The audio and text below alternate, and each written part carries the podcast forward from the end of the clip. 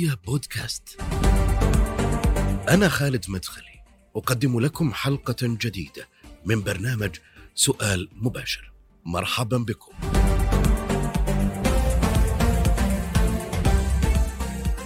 هو من أبرز الوجوه الشيعية الداعية لنبذ العنف والتحريض الطائفي، ومن دعاة الحوار والعيش المشترك بين المسلمين والمسيحيين. ومن دعاة الوحدة الإسلامية والحوار بين المذاهب والأديان. له مواقف صريحة ضد تصدير ولاية الفقيه إلى شعوب المنطقة ويدعو إلى حصرها داخل إيران. العلامة اللبناني السيد علي الأمين المرجع الديني الشيعي البارز وعضو مجلس حكماء المسلمين في سؤال مباشر. سيد علي أهلا وسهلا بك معي على شاشة العربية في سؤال مباشر. أهلا وسهلا بكم وأنا لكم من الشاكرين وشاكر لقناة العربية على هذه الاستضافة. سأبدأ معك بالعنوان الأبرز والأهم اليوم في المنطقة سيد علي. وهنا اتحدث تحديدا عن الاتفاق أو التفاهم السعودي الإيراني المستجد. الاتفاق في عنوانه الأبرز جاء بهدف إعادة العلاقات الدبلوماسية بين الدولتين الجارتين وفتح السفارات والممثليات التي أغلقت قبل سنوات، لكن تأثيراته بالتأكيد ستكون بشكل مباشر أو غير مباشر على المنطقة بشكل عام. أريد أن أبدأ معك بتعليقك أو قراءتك أو وجهة نظرك حول هذا الاتفاق الذي أعلن قبل أيام. بسم الله الرحمن الرحيم. يعني نحن الحقيقة كنا من المسرورين بهذا الاتفاق ونسأل الله سبحانه وتعالى أن يتم سرورنا بتنفيذه وعودة الأمور إلى طبيعتها بين دولة إيران وبين المملكة العربية السعودية وبين إيران والمنطقة عموما. نحن كنا من الدعاة يعني قديما إلى أن تكون إيران مصدر طمأنينة لجيرانها من العرب. وبذلك يعني تفتح هذه المنطقة منطقة الخليج بوابة إيران على العالم العربي. ولا يوجد من جيرانها من يشكل تهديدا لها. لكن هل له أصل بالنسبة لهذا لإيران اليوم هذا الاتفاق يعني بناء على ماذا تم في وجهة نظر النظام الإيراني برأيك؟ يعني أنا أعتقد أن إيران اقتنعت بأنه لا بد من عودة الأمور إلى طبيعتها مع جيرانها مقدمة إلى دخولها في المنظومة الدولية وعودة العلاقات إلى المجتمع الدولي من خلال هذه التجربة التي نأمل نجاحها. وأدركت إيران بأن السياسة التي اعتمدت يعني في العقود الماضية هي سياسة يعني أدت إلى مشاكل لها مع العالم ومع محيطها. وفي الداخل أيضا. ونأمل يعني أن تكون هذه هي الأسباب التي أدت إلى تسريع مثل هذا الاتفاق بين المملكة العربية السعودية وبين الجمهورية الإسلامية في إيران. لكنك سيد علي ربما من أكثر المعارضين وكذلك ربما المتضررين من سلوك النظام الإيراني في المنطقة بشكل عام وفي لبنان خصوصا. اليوم عندما يتوجه النظام الإيراني بهذه الخطوة نحو الاتفاق مع المملكة العربية السعودية بإعادة العلاقات في هذا التوقيت وهو النظام القائم في دستوره على تصدير الثورة على دعم الميليشيات المسلحة على كذلك ولاية الفقيه على مبدأ التقية كما يرى الكثير ربما. ألا يجعلنا ننظر إلى هذا الأمور وإلى هذا أو إلى هذا الاتفاق وهذا التوجه الإيراني بمنظر الشك والريبة؟ يعني أنا أعتقد أن إيران استفادت من تجارب الماضي السياسة التي اعتمدت في الماضي آه، سواء يعني في المنطقة العربية أو مع العالم مع كثير من دول العالم أدركت بأنها سياسة آه، مضرة وغير منتجة وغير مفيدة. والقاعدة تقول والصلح خير. وطبعا هذا التلاقي بين يعني الجمهورية الإسلامية في إيران وبين المملكة العربية السعودية آه، إذا تم إن شاء الله سيكون له أصداء إيجابية وآثار إيجابية في المنطقة كلها وفي العلاقات بين عموم المسلمين وفيما بينهم. يعني ولذلك ما يسمى بمبدأ التقية يعني التقية في السياسة موجودة في العالم ككل يعني ليست خصوصية آه، موجوده من يمكن أن يقترح شيئا وأن يخالفه ولكن دائما الحكم يكون يعني على الأعمال ومن من خلال ترجمه ترجمتها للأقوال. ونحن آه، يعني آه، نتفاءل خيرا بأن هناك تغييرا آه، في السياسات التي أحدثت مثل هذه الفرقة بين المسلمين في هذه المنطقة وفي غيرها. لكن هل يمكن الوثوق بنوايا هذا النظام الذي تمتد ذرعه وميليشياته في المنطقة تسيطر على أربع عواصم عربية؟ أنت كنت آه، ربما ترى بأنها هي السبب في انهيار هذه البلدان الانهيار الأمني الانهيار الاقتصادي الانهيار السياسي وغيره. يعني هل يمكن أن نثق بهذه بهذا النظام في توجهاته وبهذه الميليشيات؟ هل يمكن خاصة أن الاتفاق هناك بنود سرية غير معلنة آه، فيه لكن هل يمكن أن تتغير سلوك هذه الميليشيات في المنطقة اليوم بعد هذا الاتفاق أم أنه مجرد تغير في التكتيك فقط ربما للتهدئة كما يقول البعض ترقبا لما يمكن أن يحدث من تطورات أخرى على مستوى آه، العالم. يعني نحن الآن لا يمكننا أن نحكم على النوايا وإنما نحكم من خلال الممارسات وما سيحدث بعد تنفيذ هذه البنود. وأنا متفائل بأنه ستتغير الكثير من الأمور لأن إيران قد أدركت يعني بأن ما كان من أسباب الفرقة بينها وبين جيرانها وأشقائها في العالم العربي والإسلامي هو تلك السياسة آه، التي اعتمدت آه، منطق الأذرع آه، المسلحة في أكثر من منطقة وهي لم تنتج إلا مزيدا من الخصومات والعداوات التي أضرت بالعلاقات الإسلامية وبالمنطقة ككل. أنا متفائل بأن هناك تغييرا سيحدث إن شاء الله من خلال هذا الاتفاق. وعلى قاعدة تفاءلوا بالخير تجدوه. خلينا نفكر أو نحاول أن نقرأ ما هي تداعيات وتأثيرات هذا الاتفاق على آه، هذه الميليشيات آه، أو الأذرع المسلحة الموجودة في المنطقة. آه، سواء في البعد في البعد الأيديولوجي أو في البعد كذلك التغول داخل هذه الدول القومية أو الوطنية. ولنضرب على سبيل المثال آه، اولا آه، ميليشيا الحوثي في اليمن. كيف سيتغير الأمر بالنسبة لهذه الميليشيا في اليمن اليوم؟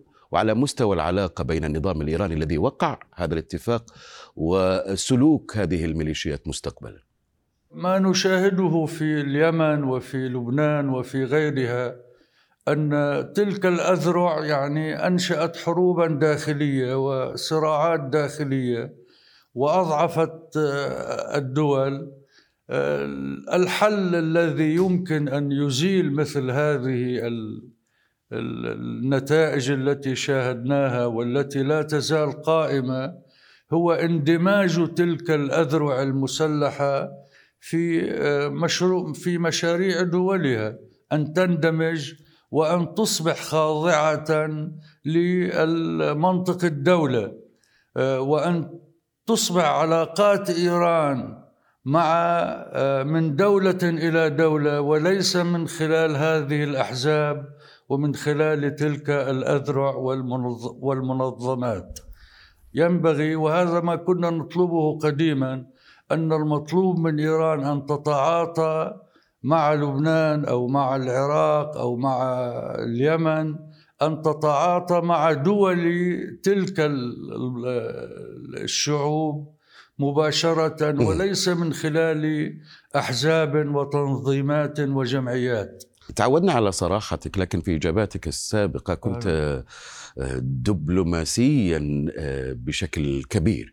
سأذهب معك إلى تأثير هذا الاتفاق آه، على المستقبل السياسي في لبنان.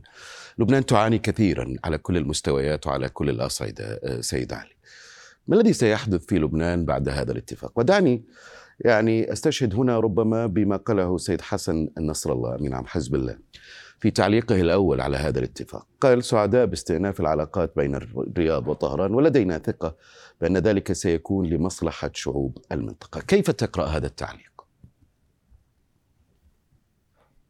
يعني هذه كما قلنا بداية التغيير في اللغة التي كان يستخدمها حزب الله وأعتقد يعني هم يصرحون طبعا بأنهم تابعون للولي الفقيه في إيران ولإرشاداته وتوجيهاته ويتلقون منه الأوامر.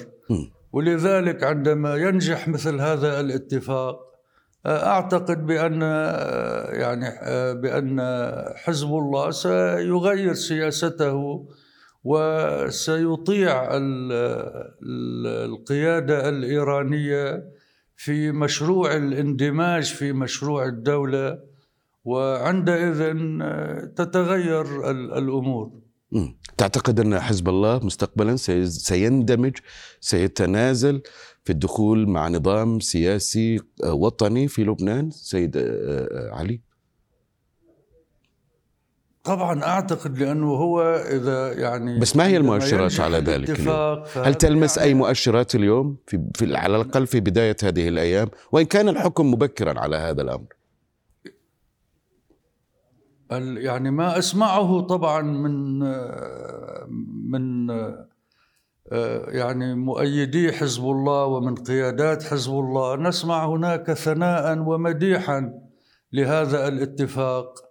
وهذا انكشف عن شيء أنهم يكشف عن أنهم يمكن أن يتغيروا وأن آه، يطبقوا آه، يعني ما ينتج عن هذا الاتفاق آه، من سياسات في المنطقة وفي لبنان بالخصوص طبعا. هل تعتقد أن حزب الله في لبنان الذي يحكم ربما كما يرى الكثير بالحديد والنار الآن؟ هو قادر على أن يتنازل آه، عن مصالحه عن مكتسباته كما يعتقد بالتحكم في القرار السياسي في لبنان إلى درجة أن تسلب منه هذه يعني المكانة يعني خلال فترة. لمجرد اتفاق آه، موقع آه، أو إطار اتفاق موقع بين النظام الإيراني وبين السعودية.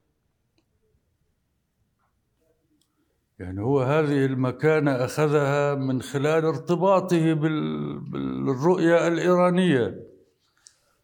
وهي مكانة يعني جعلته منبوذا داخليا ليس مقبولا داخليا. يعني معظم اللبنانيين لا يرتضون مثل هذه السياسة. فعندما هو يعود ليندمج في مشروع الدولة يصبح مقبولا. ويتخلى عن سلاحه ويندمج في مشروع الدولة. ويصبح السلاح جزءا من من من الدولة اللبنانية وخاضعا لرؤية الدولة اللبنانية. وبذلك هو يعني إيه بس خلينا نكون واقعيين سيد علي. يربح أنت تعرف حزب الله وتعرف تاريخ حزب الله وسياسة حزب الله وتفكير حزب الله يعني. هل من الوارد فعلا بأن يسلم سلاحه ويندمج مع آه، النظام السياسي الوطني في لبنان. نعم يندمج عندما تطلب منه إيران ذلك. إذا إذا نجح الاتفاق فإيران ستطلب منه ذلك وسيكون هناك تخريج لعملية الاندماج. أه، كيف تتوقع أن يكون تأثير هذا الأمر على العلاقة بين الطائفتين السنية والشيعية في المنطقة سيد علي؟ هذا سينعكس طبعا ايجابا وسيعزز روابط الوحدة والالفه بين عموم المسلمين أه، يعني بين السنة والشيعة الذين هم أمة واحدة. وإنما أحدثت هذه الخلافات فيما بينهم آه، تلك النزاعات والخلافات بين الأنظمة السياسية وبين الأحزاب السياسية. فالآن عندما يعني يتفق رمزان من رموز الأمة الإسلامية المملكة العربية السعودية التي تعتبر مرجعية لعموم المسلمين لمكانة المقدسات فيها التي يلتقي فيها كل المسلمين على اختلاف مذاهبهم مع إيران أيضا ذات المكانة الدينية للطائفة وفي المسلمين أعتقد بأن هذا سيدخل السرور على عموم المسلمين لأنه سيحدث المزيد من الإلفة والتقارب فيما بين أبناء الأمة الواحدة.